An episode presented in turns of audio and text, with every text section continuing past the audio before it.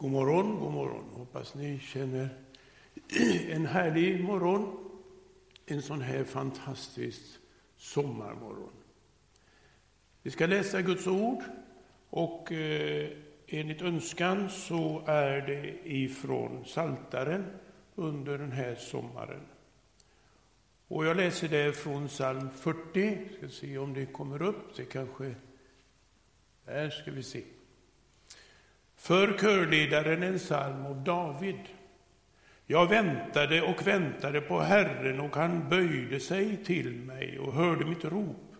Han drog mig upp ur fördärvets grop, ur den djupa dyn. Han ställde mina fötter på klippan och gjorde min steg fasta. Han la en ny sång i min mun, en lovsång till Gud. Många ska se det och frukta och förtrösta på Herren. Salig är den som har Herren till sin trygghet och inte vänder sig till det stolta, det som viker av till lögn. Herre min Gud, många är undren du gjort och tankarna du tänkt för oss. Inget kan liknas vid dig. Jag vill förkunna och berätta om dem. Det är fler än man kan räkna. Slaktoffer och matoffer vill du inte ha. Du har öppnat mina öron, brännoffer och syndoffer begär du inte. Därför säger jag, se, jag kommer, i bokrullen står det skrivet om mig. Att göra din vilja, min Gud, är min glädje och din lag i mitt hjärta. Jag förkunnar glädjebudet om rättfärdigheten i den stora församlingen.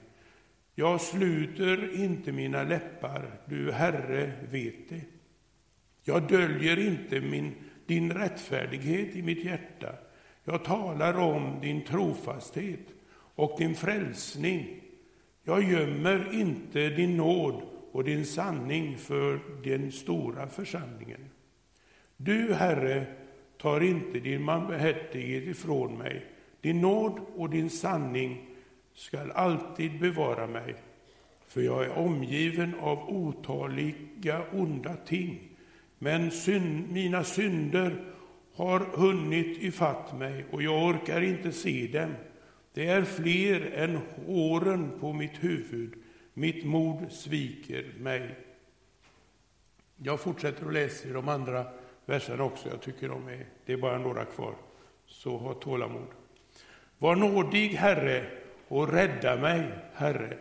Skynda till min hjälp. Låt alla som vill ta mitt liv möta skam och vanära. Låt dem som önskar mig ont vika tillbaka och skämmas. Låt dem häpna av skam, de som säger till mig, ha, ha, ha. Låt alla som söker dig få jubla och glädjas i dig. Låt dem som älskar din frälsning alltid säga, Herren är stor. Jag är betryckt och fattig, men Herre, Herren tänker på mig.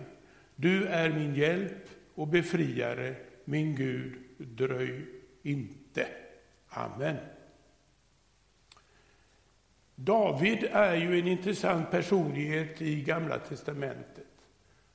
Han, eh, ja, Jesus var ju från Davids stad. Och det var också David. Han kom från Betlehem.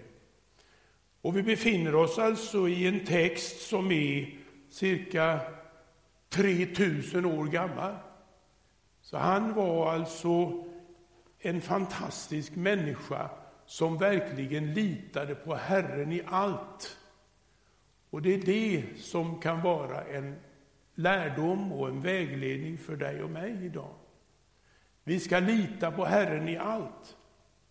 Jag tänker på inledningsorden här ifrån Lukas. Vad var det med Simon, Petrus och Andreas? De var där på stranden och hade varit ute och fiskat och ingenting hände och Jesus kommer, låna mig båten så jag får visa er och så åker de ut och så får de båten full med fisk. Det är undrens tid. Budskapet idag är ju att sänd mig. Och jag kommer säga så här för att vara personlig med er, att hela mitt liv har jag upplevt att vara kallad av Gud. Och det är därför som jag idag också fortfarande arbetar och inte har glömt av vad Gud har kallat mig till. I början på 1980-talet så upplevde vi en kallelse, min hustru och jag, att gå till Japan. Av någon anledning efter ett par år, vi läste japanska och så vidare och så vidare, men av någon anledning så fick faktiskt Torsten Åmans bror jobbet i Hamatsu, heter det. Och vi fick inte det jobbet. Men jag blev inte besviken för det, för jag kände att Gud har en annan väg. Och Gud öppnar en väg bara några år senare, och det känner ni till. Alltså på mitt hjärta så ligger ett annat land i Afrika där vi har byggt upp en verksamhet. Och finns det möjlighet så säga för oss Eh, att eh, följa med, det finns möjlighet för oss att följa med ner. Alla kan följa med ner om ni vill och se arbetet. Eh, det är lite enklare att åka dit ner än att åka till Japan, för då åker du österut. Åker man Afrika så är det samma tidszon idag. Så just nu håller de på för fullt och sjunger och förbereder sig till gudstjänst någon gång så där vid elva tiden eller när solen står i ett visst läge. Det är inte så hemskt kinkigt, utan man börjar när det kommer folk. Va? Sist jag var där så var det i maj och jag ska berätta lite grann om ett under som skedde. Det sker ju mycket under. Stora ting är det, det du har gjort, läste vi i texten. Dina under, Herre min Gud, och dina planer med oss. Vad har Gud egentligen för planer med oss? Vad har Gud för plan med dig? Det vill till att söka Herren i sitt liv för att få in en rätt eh, våglängd så att han ger dig en eh, vägledning. Jag tänkte på direction, men det är ju samma sak. Direktion, eller vad säger man?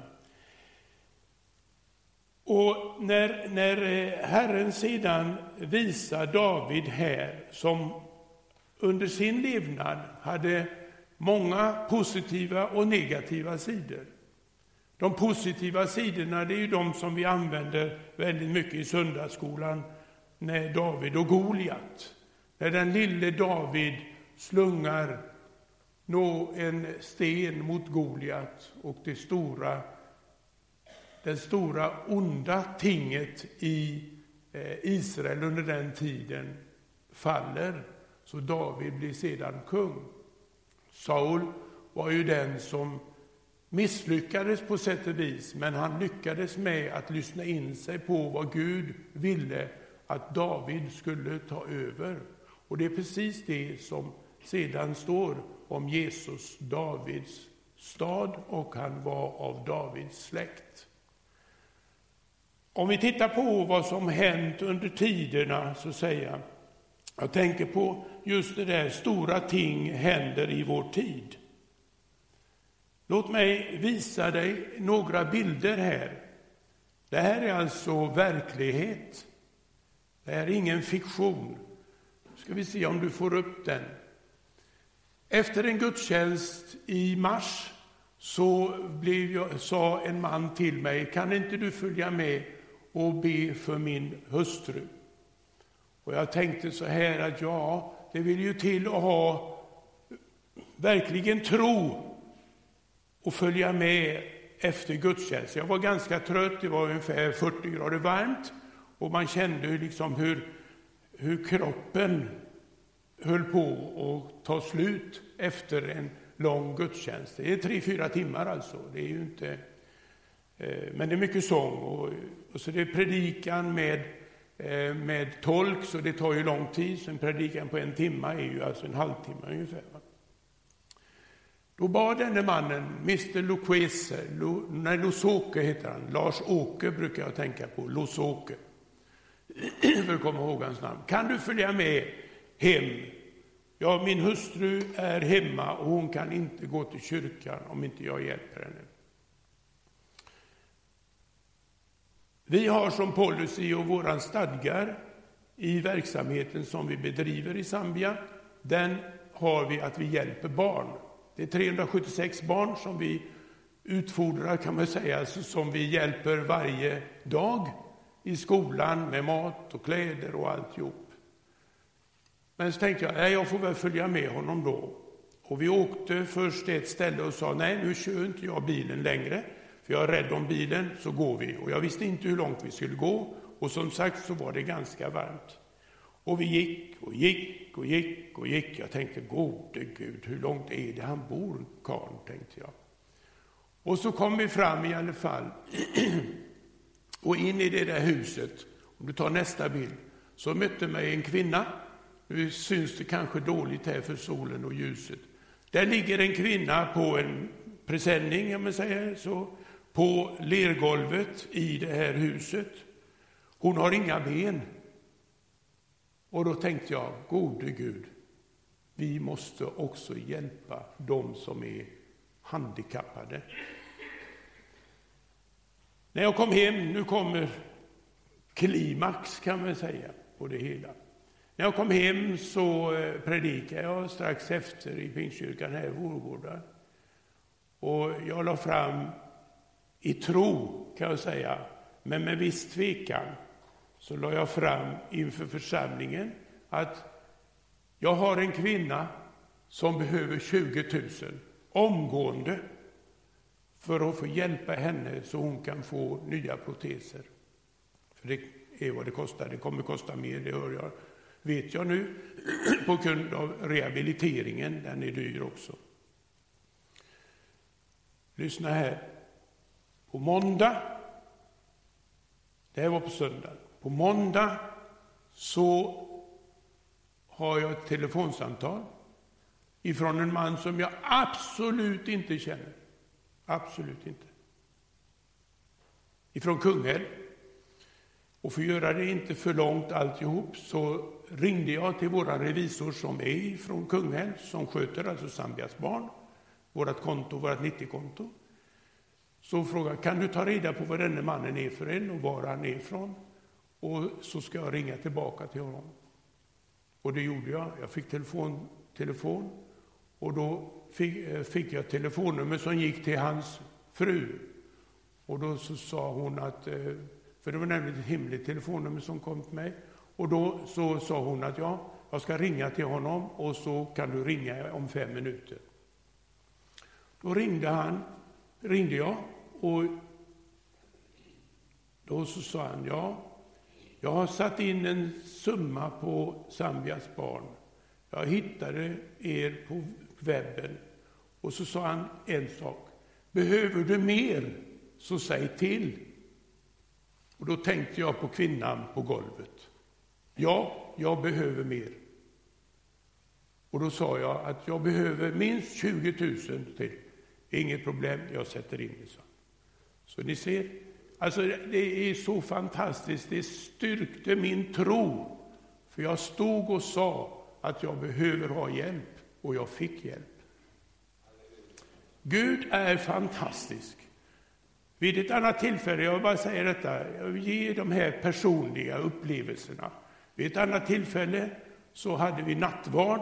En kvinna kom fram och stapplade och var dålig, riktigt dålig. Och hon tog nattvarden och så sa hon till mig, jag är inte den här som går på folk och säger att nu ber jag för dig och så vidare. Jag är inte sån. Så sa hon så här, kan du be för mig? Ja, det kan jag göra. Och jag bad för henne och när vi hade fikat efteråt så kom hon och sa, kan du tänka dig, det gick som en ström igenom mig och jag kan gå och jag är helad. Jag känner det. Och jag känner kvinnan i fråga och jag har pratat med henne flera gånger och allt är okej. Okay, så det här är ingen humbug på något sätt. Gud är stor. Gud vill någonting med oss och Gud vill någonting med dig. Så stora ting, det händer i vår tid. Gud har alltså en plan för både dig och mig. Han hade en plan för David. Han ville ha honom att bli kung över Israel. Och så följde ju då Jesus såsom en ättling till Davids släkt som blir kung över dig och mig i vårt liv. För Jesus är vår kung och han är vår räddare och vår hjälpare. När vi sen så ser på hur han behöver dig och mig dag för dag, vad än vi är, så behöver Herren dig och mig.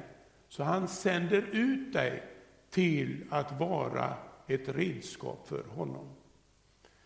Jag känner ibland, alltså, eftersom jag befinner mig i olika miljöer och olika länder, så ser man skillnaden på hur folk eh, responderar, tar emot Guds ord faktiskt.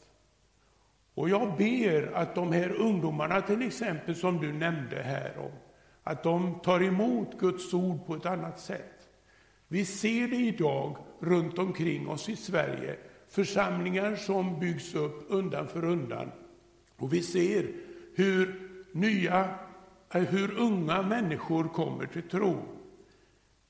I Vårgårda Herrljunga, som vi har våra kyrkor, Pingstkyrkan, Vårgårda Herrljunga, så ser vi ju behoven, men vi är också ledsna ibland för att det är så många ungdomar, när de växer upp i våra församlingar, så helt plötsligt så flyttar de ner till Göteborg, till Hillsong till exempel, eller till Stockholm och så vidare. Och så vidare. Och det smärtar mitt hjärta.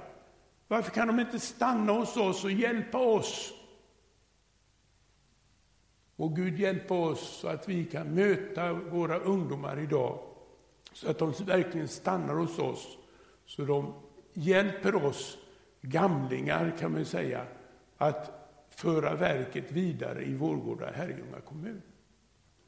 För det är det som vi behöver. Gud kallar alltid människor så länge det heter idag. Det ska vi veta. Och du och jag som är här idag, vi har en kallelse. En, vi har en fantastisk kallelse. Och det är att uppmuntra både de du möter i vardagen, men uppmuntra den unga generationen att gå vidare i tro på Gud.